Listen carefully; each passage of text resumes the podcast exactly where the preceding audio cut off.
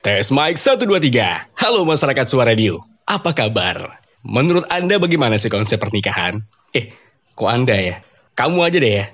Biar aku, kamu, kita berbahagia. Apa sih? By the way kita kenalan dulu uh, Karena kalau kata orang tak kenal maka kata sayang Saya Dio dan saya host dari podcast ini Ya menurut kamu bagaimana nih? Menurut kamu bagaimana yang ada di konsep kepala kamu Yang ada di pikiran kamu tentang pernikahan? Indah? Enak? Ya oke okay. Indah enak Oke okay. Romantis? Oke okay. Bisa ngewek terus? Oke okay. Bisa uh, berhubungan suami istri ya itu yang pikirannya seperti itu biasanya seputar selangkangan tuh. Tapi itu wajar ya. Saya nggak menafikan soal itu. Saya nggak uh, skip orang-orang yang seperti itu yang berpikiran bahwa ketika dia menikah dia bisa bercinta terus, ya berhubungan suami istri terus. Itu nggak. Itu kebutuhan ya, bro ya, bro and sis, bro sis. itu kebutuhan. Ketika orang yang berpikir seperti itu, itu berarti tandanya kita itu manis, masih manusia dan masih makhluk hidup. Karena manusia nggak lepas dari namanya nafsu. Oke, bentar, saya minum dulu. bahas agak seksual langsung langsung kering tenggorokan. Oke, bagaimana? Seperti itukah konsep seperti itukah konsep pernikahan yang ada di pikiran Anda, di pikiran kamu? Kalau misalnya seperti itu, ya begini.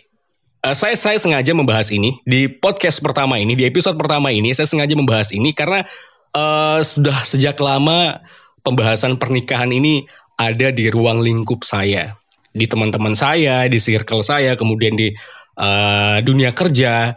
Jadi kayaknya bagus deh untuk diangkat nih di di episode pertama dari Suara Dio ini. Karena begini, karena masalah pernikahan ini nggak segampang hayalan banyak orang. Nggak segampang hayalan banyak orang. Cewek, cowok, seperti itu. Semua sama. Walaupun ada orang-orang yang sudah realistis, cewek-cewek yang udah realistis tentang pernikahan, dan biasa itu mereka-mereka itu yang udah dewasa. Buat yang masih terbayang-bayang akan indahnya dunia pernikahan yang romantis, kemudian yang indah, yang enak, coba dipikirkan dulu. Uh, kehidupan rumah tangga itu adalah kehidupan yang panjang. Pernikahan adalah kehidupan yang panjang banget. Kamu nggak hanya sekedar sampai di lima tahun atau sekedar ketika kamu bosen, ketika ah, ini kayaknya udah nggak cocok nih, jadi kita ribut mulu nih tiap hari. Kamu nggak bisa langsung uh, pisah seperti ketika kamu sedang pacaran ya. Kalau pacaran kalau misalnya ribut mulu kan mending bisa aja, bisa aja deh ngapain. Toh bukan bukan pernikahan ya, bukan nikah juga ya. Nah pernikahan nggak seperti itu, nggak segampang yang di pikiran kita tadi itu indah enak, terus romantis, bisa ngewek terus. Karena mungkin sebelumnya ah, bisa halal terus ya, karena mungkin sebelumnya kerjaan yang haram. Zina mulu. Tapi memang begini, setan itu iblis ya, iblis ini mengkambing hitamkan mengkambing hitamkan iblis ya. Tapi memang begini ya, iblis itu selalu menghiasi sebuah dosa itu dengan keindahan. Nah, jadi ketika ketika kita masih masih pacaran ya, sesuatu itu sesuatu itu indah. Ya terbuka aja lah ya. Kita nggak perlu nggak perlu saling menutupi. Ketika kita pacaran kita kita grepe-grepe pasangan deh ya. Itu indah banget. Tapi ketika kita udah menikah beda rasanya. Ini pelajaran nih buat kamu yang belum nikah nih. Pelajaran buat kamu yang belum nikah. Jangan sampai terjadi hal seperti ini. Oke? Okay? Ah, jadi gini, banyak orang-orang, terutama cewek, cowok juga ya. Saya nggak mau seksis, ada cewek, ada cowok juga. Jadi banyak cewek itu yang pikirannya, di bayangannya tentang pernikahan itu romantis, happy, selalu ada yang perhatian, ke mana-mana berdua, bisa melayani sepenuhnya, seperti itu ya. Terus nikah dengan orang yang dicintai, dan cowok pun juga ada yang seperti itu. Jadi sekali lagi saya nggak mau seksis karena saya takut kena cekal. Episode pertama langsung kena cekal ya. Wuh, seksisme.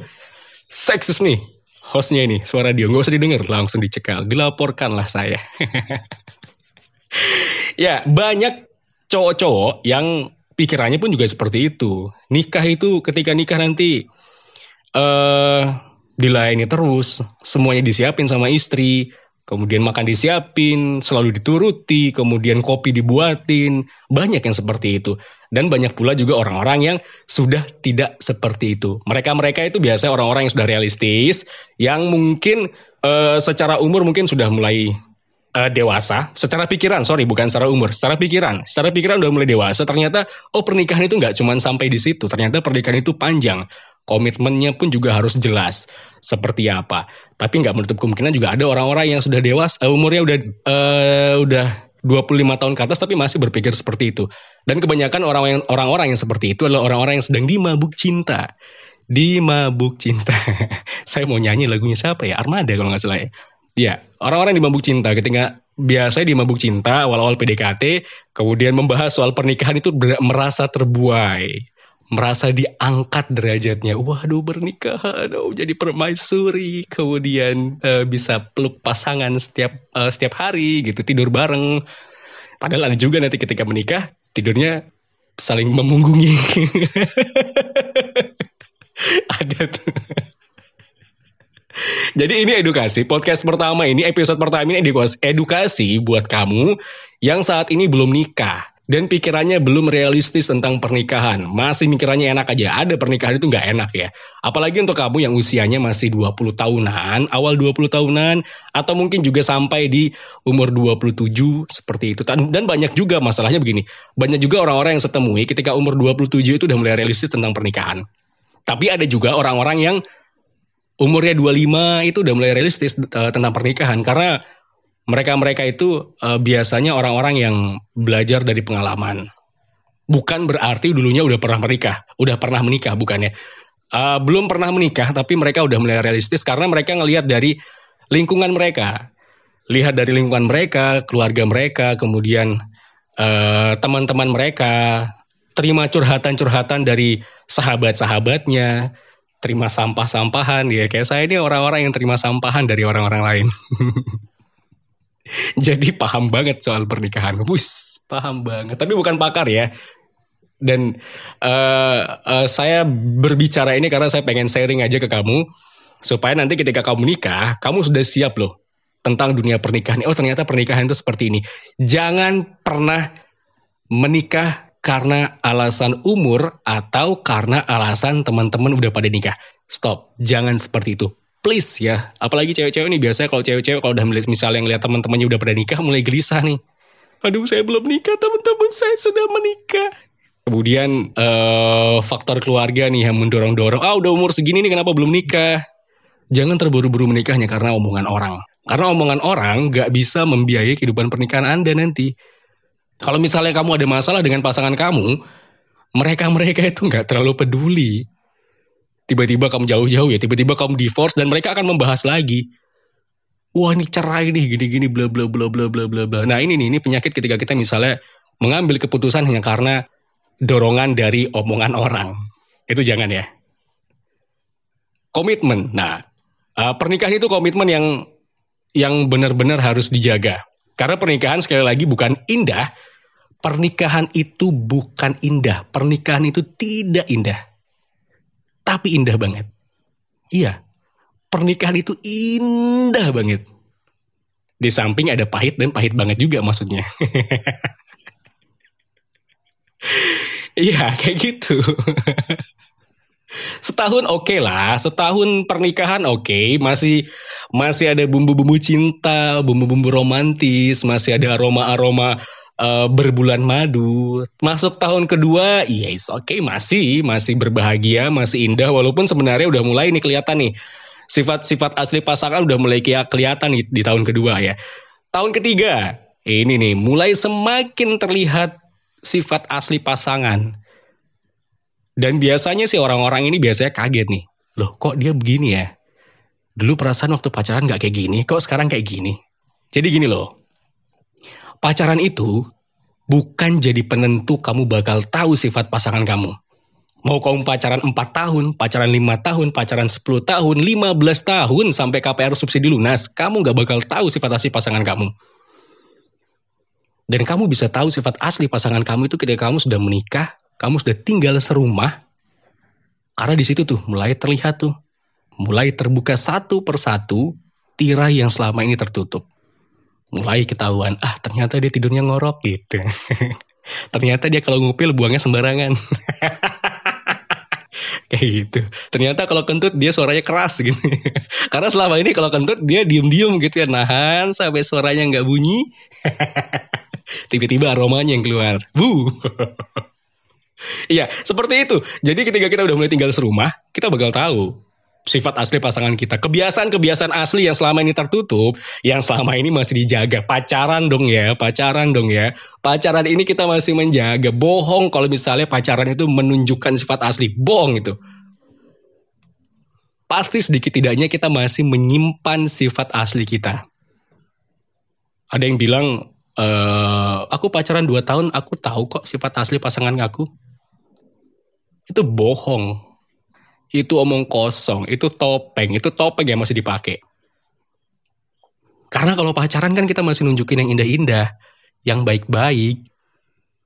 Yang tetap kamu lagi apa? Aku lagi makan, kamu makan apa? Aku makan daging. Jangan makan daging dong, nanti kamu kolesterol, nanti kamu mati cepet. Aku belum siap kalau ditinggal oleh kamu. kayak gitulah ya. Kurang lebih, kurang lebih kayak gitu. Walaupun saya agak lebay sih sebenarnya. Oke, okay. mulai mulai tahu sifat asli. Kemudian ini bisa jadi permasalahan juga nih kalau misalnya nggak dibahas ya. Tapi ini sering berjalan waktu kita mulai memahami nih, ternyata beginilah sifat pasangan kita. Dan ini yang harus kalian maklumi ya, harus kamu maklumi. Ini yang harus kamu maklumi bahwa sifat asli pasangan kita itu akan kita tahu ketika kita menikah nanti. Kemudian masalah ekonomi, ini PR banget ya masalah ekonomi ya.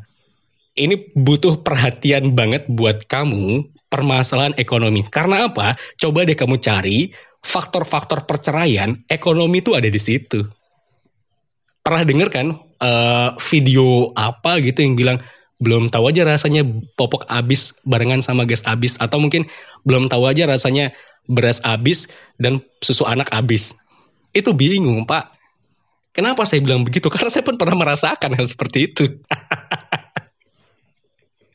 nggak enak. Bingung harus harus bagaimana gitu harus mana yang didahuluin didahuluin. Karena dua-duanya sama sama sama sama penting. Sedangkan isi dompet aduh.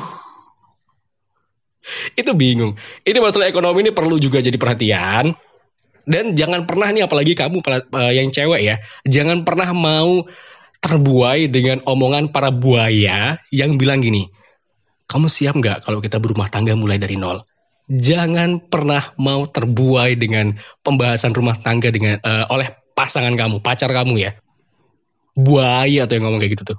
Kenapa saya tahu? Karena ini bukan buaya lagi. Ini pelatih pawangnya buaya yang lagi ngomong. Tapi ada yang cewek-cewek yang jawabnya kayak gini, eh aku siap kok kalau hidup sama kamu mulai dari nol. itu goblok beneran. Biasanya yang seperti ini, ini yang saya bilang orang-orang yang sedang dimabuk oleh cinta. Jadi pikirannya nggak realistis. Ada ungkapan yang bilang begini, e, perbuatan yang sia-sia kita lakukan adalah menasehati fans sepak bola dan menasehati orang yang sedang jatuh cinta. Karena apa? Mental semua. Mental semua. Fans sepak bola walaupun timnya bobrok gitu. Kalau dinasihati nggak mau ya udah ngefans malu dong kalau misalnya ganti fans. Ibaratnya fans sepak bola tuh kalau misalnya pindah fans tuh kayaknya murtad gitu, pindah agama. Walaupun sebenarnya nggak didukung juga untuk masuk surga dengan tim sepak bola itu. Iya, sama sama halnya seperti menasehati orang yang jatuh cinta. Kita kita goblok tuh kalau kita misalnya nasehatin orang yang jatuh cinta. Percuma, itu perbuatan yang sia-sia. Karena nggak mungkin didengar. Enggak kok, dia tuh orangnya perhatian banget Iya masih pacaran ya kan. Kan kita masih memberikan yang terbaik kalau kita lagi pacaran. Bentar minum dulu. Ini yang perlu perlu perlu di di eh, jadi bahan perhatian kamu nanti masalah ekonomi, kemudian mengetahui sifat-sifat asli pasangan kamu ini perlu. Karena uh, apalagi masalah ekonomi ya, ini berat banget nih. Eh, banyak orang yang sudah berumah tangga. Berdasarkan obrolan uh, saya dan teman-teman mereka tuh juga sering ribut dari masalah ekonomi. Uh, agak susah mengatur manajemen peng, uh, keuangan. Terus tiba-tiba duit habis nggak tahu ke mana. Jadi perlunya manajemen keuangan tuh perlu nanti ketika kamu berumah tangga. Obrolin nih sama pasangan kamu calon suami kamu calon istri kamu ini bagaimana nih urusan rumah tangga. Apakah gaji sepenuhnya saya berikan ke kamu atau saya berikan kamu itu uh, duit ketika kamu ingin belanja. Dan saya juga siapkan uang untuk uh, maintenance kamu. Maintenance. Peralatan kali maintenance ya. Ya perawatan maksudnya gitu ya. Diomongin lah ketika kamu mau menikah. Supaya nanti ketika kamu menikah kamu nggak kaget. Kehidupan rumah tangga itu seperti ini. Aduh kenapa kok kehidupan rumah tangga seperti ini? Yang berharap jadi permaisuri tiba-tiba jadi tukang cuci baju gitu kan ya. Ini penting juga. ini penting untuk dibahas. Yang maunya jadi uh, tuan di rumah tangga tiba-tiba nyuci piring ya. Ini perlu dibahas juga nih yang kayak gini nih. Perlu kamu tahu juga bahwa ternyata kehidupan rumah tangga itu nggak seperti itu. Ekonomi, ya ekonomi. Dari tadi kita bahas ekonomi ya. Karena ini masalah paling berat biasanya ekonomi ini. Apalagi nih misalnya gini, kamu nikah hanya berdasarkan cinta. Cinta itu sesuatu yang absurd yang sewaktu-waktu bisa hilang. Kalau menurut saya pribadi, kalau menurut kamu berbeda pendapat dengan saya, it's okay, saya nggak masalah. Karena ini opini pribadi saya. Cinta itu adalah sesuatu yang absurd, yang kita nggak bisa raba. Tiba-tiba kita merasakan sesuatu yang indah dan tiba-tiba kita merasakan rasa patah hati yang sangat sangat dalam.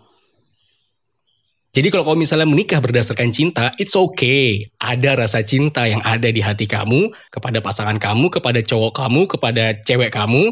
It's okay, saya nggak mempermasalahkan itu. Tapi itu akan bisa hilang dengan banyaknya hal yang nanti akan kamu lewati ketika kamu menikah. Yang perlu juga yang di, di, disiapkan nih untuk cowok uh, dan cewek Pertama rumah deh, paling simple. Enggak sih simple, karena rumah itu mahal pak. Enak kali ngomongnya bilang paling simple. Enggak, enggak, enggak. Uh, itu masuk apa ya rumah ya? Papan sandang pangan, perabotan. ya itulah ya. Uh, tempat tinggal deh, tempat tinggal deh, rumah. Untuk yang cowok, udah punya rumah belum? Oh, saya belum punya rumah, tapi pekerjaan saya udah mapan. Oke, okay. pekerjaan mapan, hitunglah uh, eh, ASN lah ya, PNS ya. Uh, profesi yang paling dicintai oleh para mertua se-Indonesia. ASN.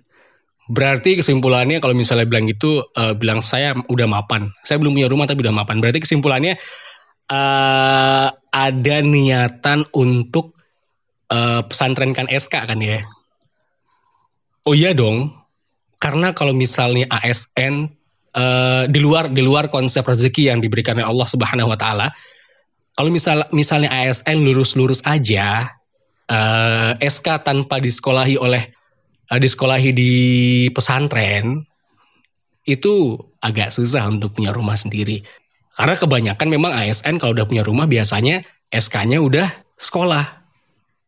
Mau pesantren kayak mau perguruan tinggi. Pokoknya sekolah lah istilahnya ya. kita tahu semua urusan sekolah itu apa.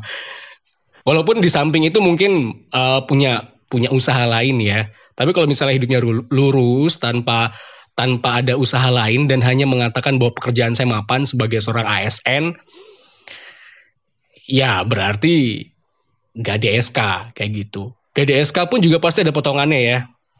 Kalau hitung-hitung gini nih, kalau misalnya istri kamu nggak kerja, istri kamu itu uh, ibu rumah tangga, total ibu rumah tangga misalnya, berarti uh, pemasukan bulanan itu ada berkurang karena akan dipotong dengan dipotong dengan uang bank ya kan. Nah itu itu nanti akan diomongin juga tuh. Kamu harus omongin ini ke calon istri kamu. Saya belum punya rumah, tapi nanti suatu saat ketika kita ketika kita menikah, saya akan bangun rumah dan saya punya SK yang bisa saya gadekan. Ini dibahas juga.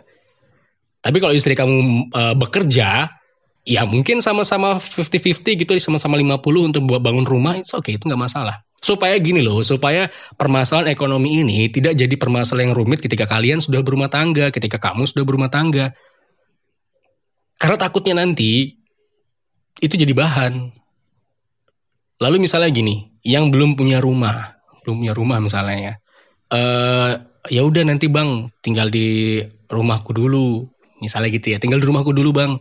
Ya kan namanya pernikahan itu biayanya besar apalagi awal pernikahan. Oke, okay, saya sepakat dengan itu.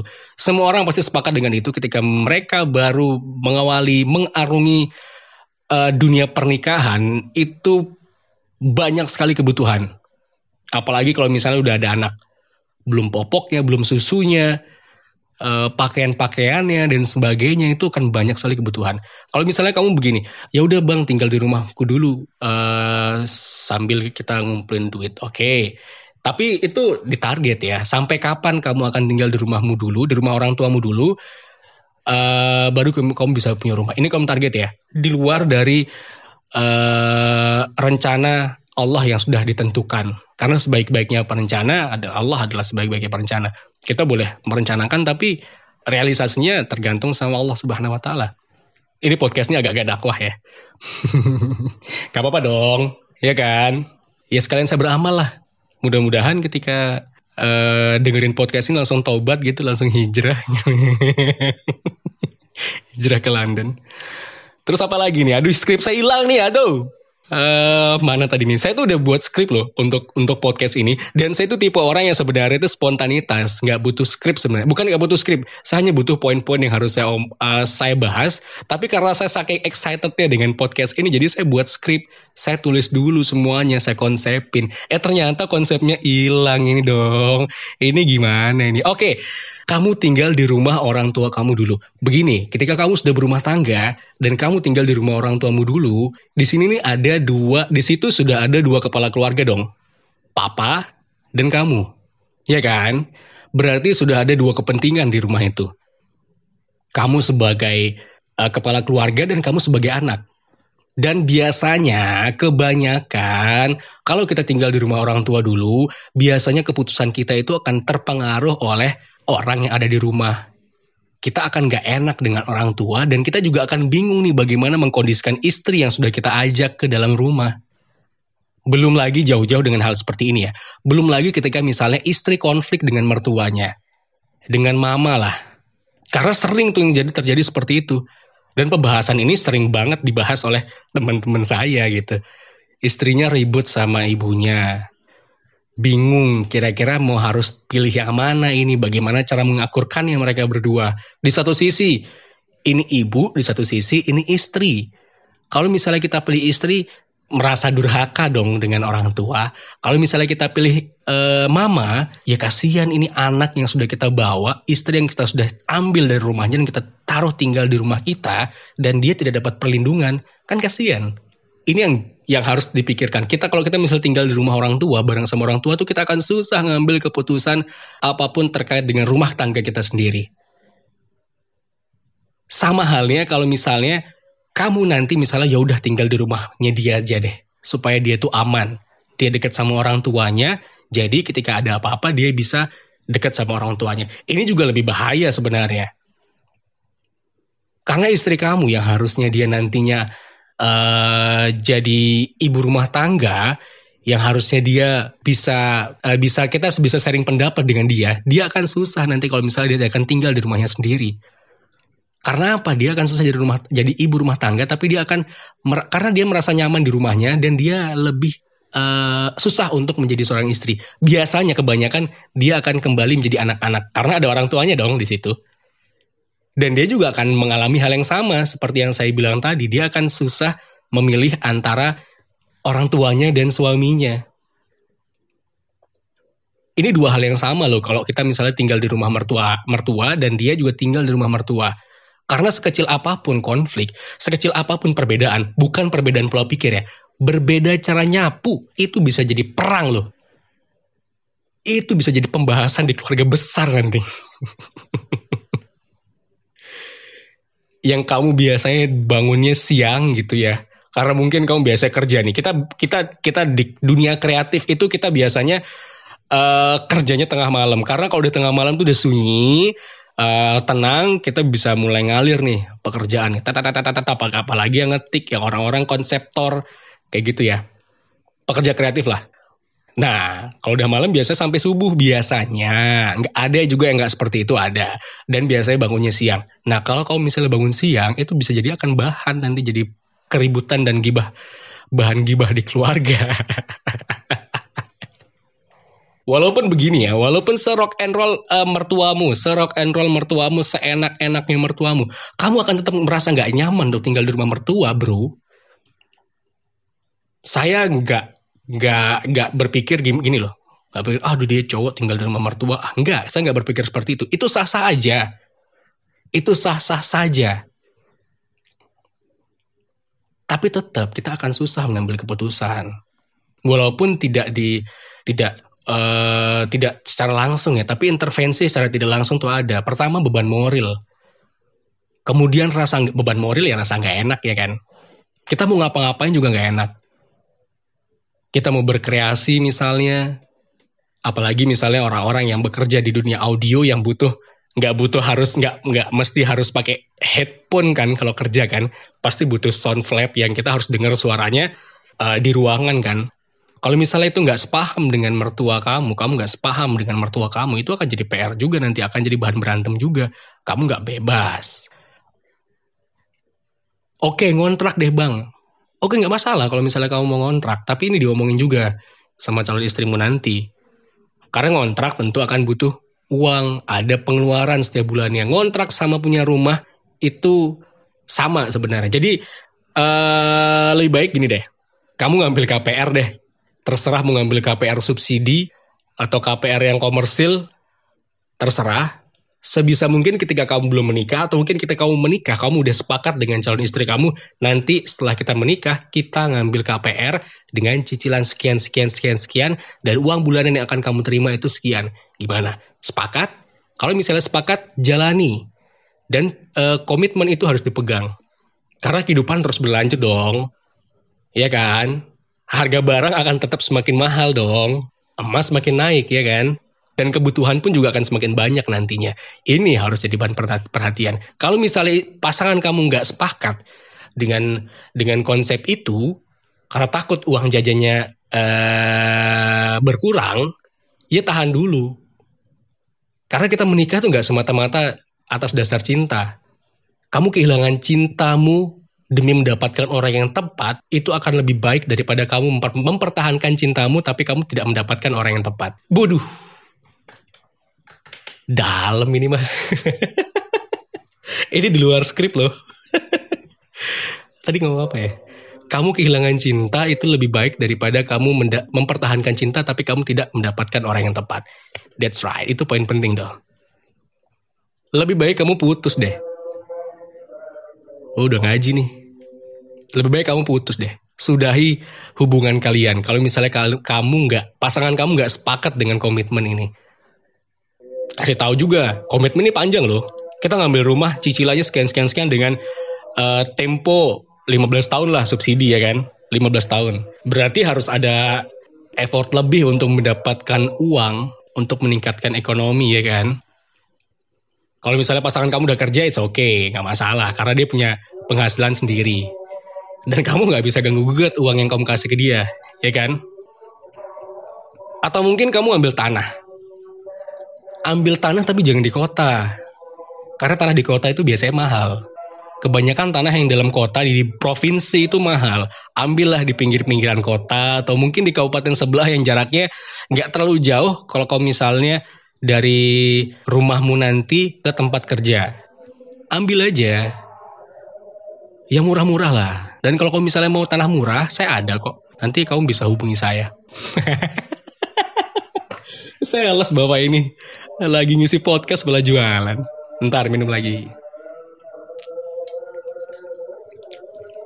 Ini orang yang bilang siaran tuh enak tuh ini nih. Dia nggak tahu aja gimana rasa tenggorokan kering kalau habis ngomong ya. Apalagi podcast ini nggak ada di cut ini. Ini terus ini ya jedanya diminum doang urusan. Oke, okay, Minimal kamu udah punya rumah sebelum kamu nikah. Jadi buat kamu yang umurnya baru 20-an, bisa kamu pikirin deh, komplain deh rencana ke depan ya.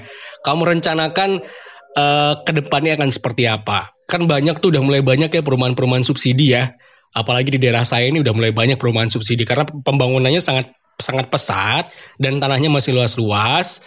Uh, kemudian developer juga banyak yang memberikan kemudahan cicilan, mau via bank atau mungkin mau langsung cicil di developer yang sesuai dengan akad syariah bisa. Yang mau akad riba pun juga bisa, tapi saya tidak menyarankan akad riba karena kalau saya menyarankan saya juga jadi berdosa. Kayak gitu. Terus uh, beli tanah kamu plan uh, dari kamu beli tanah sampai berapa tahun lagi kamu bisa bangun ya minimal kamu udah punya tempat tinggal sendiri deh ketika kamu menikah gitu. Kalau KPR kan kamu langsung beli jadi kan ya. Beli jadi beli jadi atau mungkin nunggu setahun lagi baru rumahnya jadi. Kalau beli tanah kan kita perlu waktu juga ya. Perlu bertahap kan kita bangunnya. Dari kita beli tanah, kemudian kita ngumpulin duit lagi selama lima tahun baru kita bangun. Iya kalau misalnya kamu dapat duit warisan yang gede dari keluarga, kamu langsung beli tanah dan langsung dibangun nih, oke okay, besok kamu nikah juga nggak apa-apa. Tapi undang-undang saya dong, biar saya dapat makan gratis. Iya kayak gitu.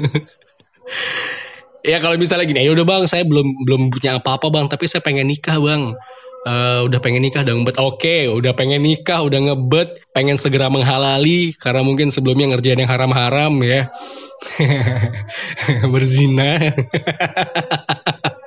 Iya oke okay, monggo deh. Saya nggak ngelarang untuk kamu nggak menikah ya. Kalau kamu misalnya udah ngebet. Karena menikah itu ibadah. Dalam Islam itu ketika kita menikah kita sudah menyempurnakan setengah dari agama kita.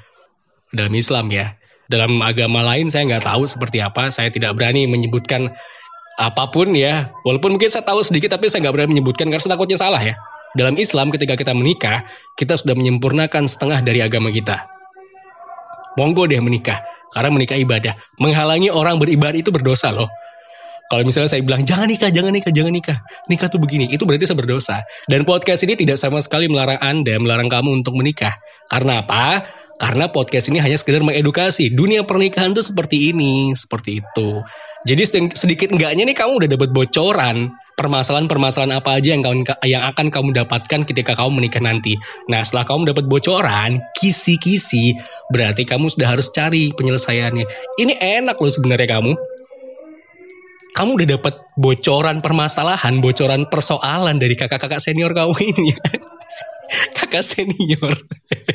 loh, saya dulu nikah nggak dapat apa-apa loh. Gak dapat informasi seperti ini. Kurang ajar tuh emang teman-teman saya, bener. Nikah yo nikah, nikah tuh enak, nikah tuh enak. Apaan begitu nikah langsung welcome to the permasalahan paling besar di dunia. Kurang ajar emang tuh yang yang ngasih ya. Ini nikah ada nikah, nikah, nikah, nikah. Eh pas ada masalah dia ketawa. Udah ngerasain nikah kayak gimana. Jadi kamu udah dapat bocoran dari saya. Jadi gampang. Buat yang belum nikah ya. Kalau buat yang udah nikah, kalau misalnya permasalahan kita berbeda, ya balik lagi. Setiap orang memiliki cobaannya masing-masing. Dan apa yang saya sampaikan itu nggak mutlak seperti ini. Tapi seenggaknya ketika kamu mengalami hal yang sama seperti yang saya ucapkan, kamu bisa ingat, oh ternyata suara radio pernah bahas ini nih. Jadi saya harus segera seperti ini. Itu maksudnya. Seenggaknya saya memberikan manfaat kepada kamu lah. Itu podcast ini jadi ada manfaatnya, uh, ada edukasinya. Walaupun nanti konten-konten setelah ini akan ada sesuatu yang sedikit berbahaya, tapi tetap ada edukasinya. Dan ya bermanfaat, memiliki edukasi, dan saya bisa menyampaikan ilmu apa yang saya punya. Karena sebaik-baiknya ilmu adalah ilmu yang dibagi, bukan ilmu yang disimpan. Benar? Bener dong. itu siapa yang ngomong ya? siapa yang ngomong ya? Kayaknya saya, oh iya bener. Siapa yang ngomong tapi ya? Iya, ilmu yang sebaik-baiknya ilmu adalah ilmu yang dibagi, bukan ilmu yang disimpan. Kita menuntut ilmu, kalau kita misalnya ilmunya kita simpan untuk diri kita sendiri, ilmu itu nggak akan berkembang. Ketika kita mati, ilmu itu akan mati sama kita. Kalau misalnya kita punya ilmu dan kita bagikan ilmu itu ke orang lain, dan orang itu orang lain itu memanfaatkan ilmu yang kita berikan, kita dapat pahala dong. Apalagi ilmunya ilmu kebaikan, bukan ilmu hitam ya, atau mungkin ilmu santet ya, bukan ya. uh, saya punya ilmu nih, saya akan memberikan ilmu ini kepada orang lain. Eh, ternyata ilmu ilmu santet. Nyantet orang juga ujung-ujungnya ya kan. Aduh. Oke, terus sampai tripodnya goyang. Itu, apalagi ya? Eh, uh, Tadi sampai mana sih? Oke, tadi yang cowok udah ya. Yang cowok udah nih. Yang cowok-cowok udah kan ya. Sekarang giliran yang cewek nih. Ini agak berat ya. Karena saya udah tulis tulis skripnya dengan baik dan mudah-mudahan akan terucap dan tersampaikan dengan baik pula. Bentar, saya minum dulu karena ini berat, saya butuh membasahkan tenggorokan dulu. Lalu minumnya sampai buru-buru. ini untuk untuk yang untuk yang cewek ya. Tadi udah saya sebutkan juga permasalahannya sebelumnya. Kalau banyak cewek-cewek itu yang nantinya uh, bukan nantinya ya, mudah-mudahan nggak seperti ini. Dan kamu mudah-mudahan nggak seperti itu ya. banyak banget dan sering banget saya temui berdasarkan obrolan-obrolan dengan teman-teman, banyak sekali masalah yang tercipta itu antara istri dan ibu mertua. Ibunya suami. Banyak banget yang seperti ini. Jadi buat kamu nih ya, buat cewek, jadi mertuamu itu ibu dan bapak uh, suamimu itu adalah orang tuamu sendiri. Ibu dan bapak suamimu itu adalah orang tuamu sendiri.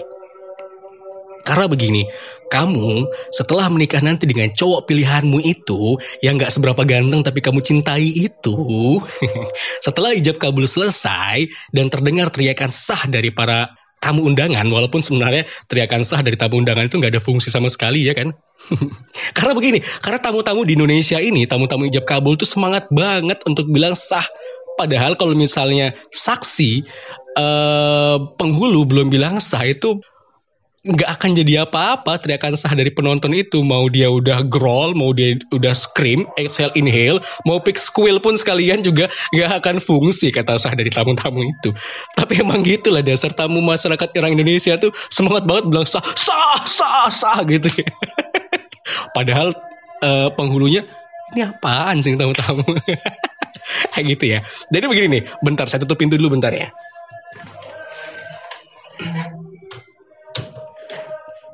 Jadi gini, ini udah ada agak mulai serius ya. Karena ini bahas sesuatu yang yang yang penting nih. Jadi gini, untuk kamu para cewek ya. Setelah hijab kabul itu terucap, arsy Allah Azza wa Jalla itu berguncang. Berguncang. Kenapa? Karena Begitu beratnya perjanjian yang dibuat oleh suamimu di hadapan Allah dan disaksikan oleh para malaikat dan manusia-manusia yang hadir di prosesi itu.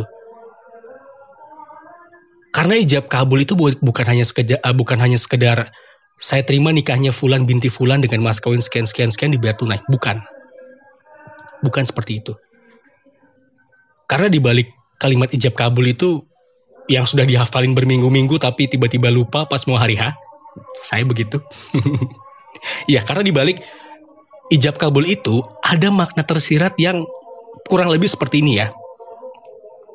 Maka aku tanggung dosa-dosa dia dari ayah dan ibunya, dosa apa yang telah ia lakukan, dari tidak menutup aurat sampai meninggalkan sholat, semuanya yang berhubungan dengan dia, aku tanggung dan bukan lagi orang tuanya.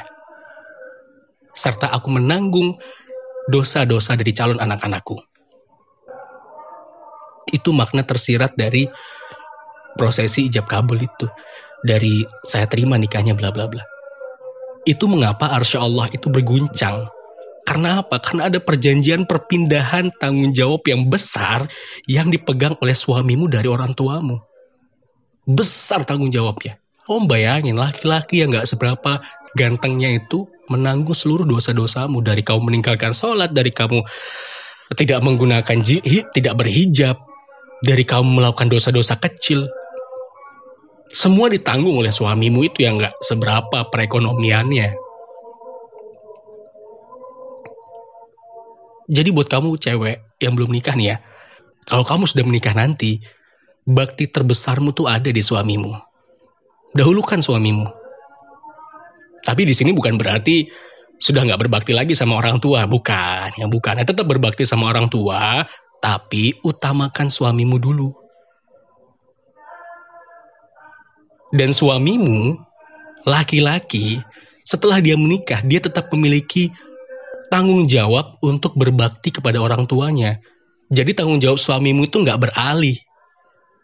Tanggung jawab suamimu itu tetap dia sebagai anak dan dia justru malah bertambah ya bukan beralih. Dia bertanggung jawab pada orang tuanya kepada keluarganya dan dia juga bertanggung jawab kepada kamu. Dengan dosa-dosa yang sudah kamu bawa dan dia menanggung itu semua.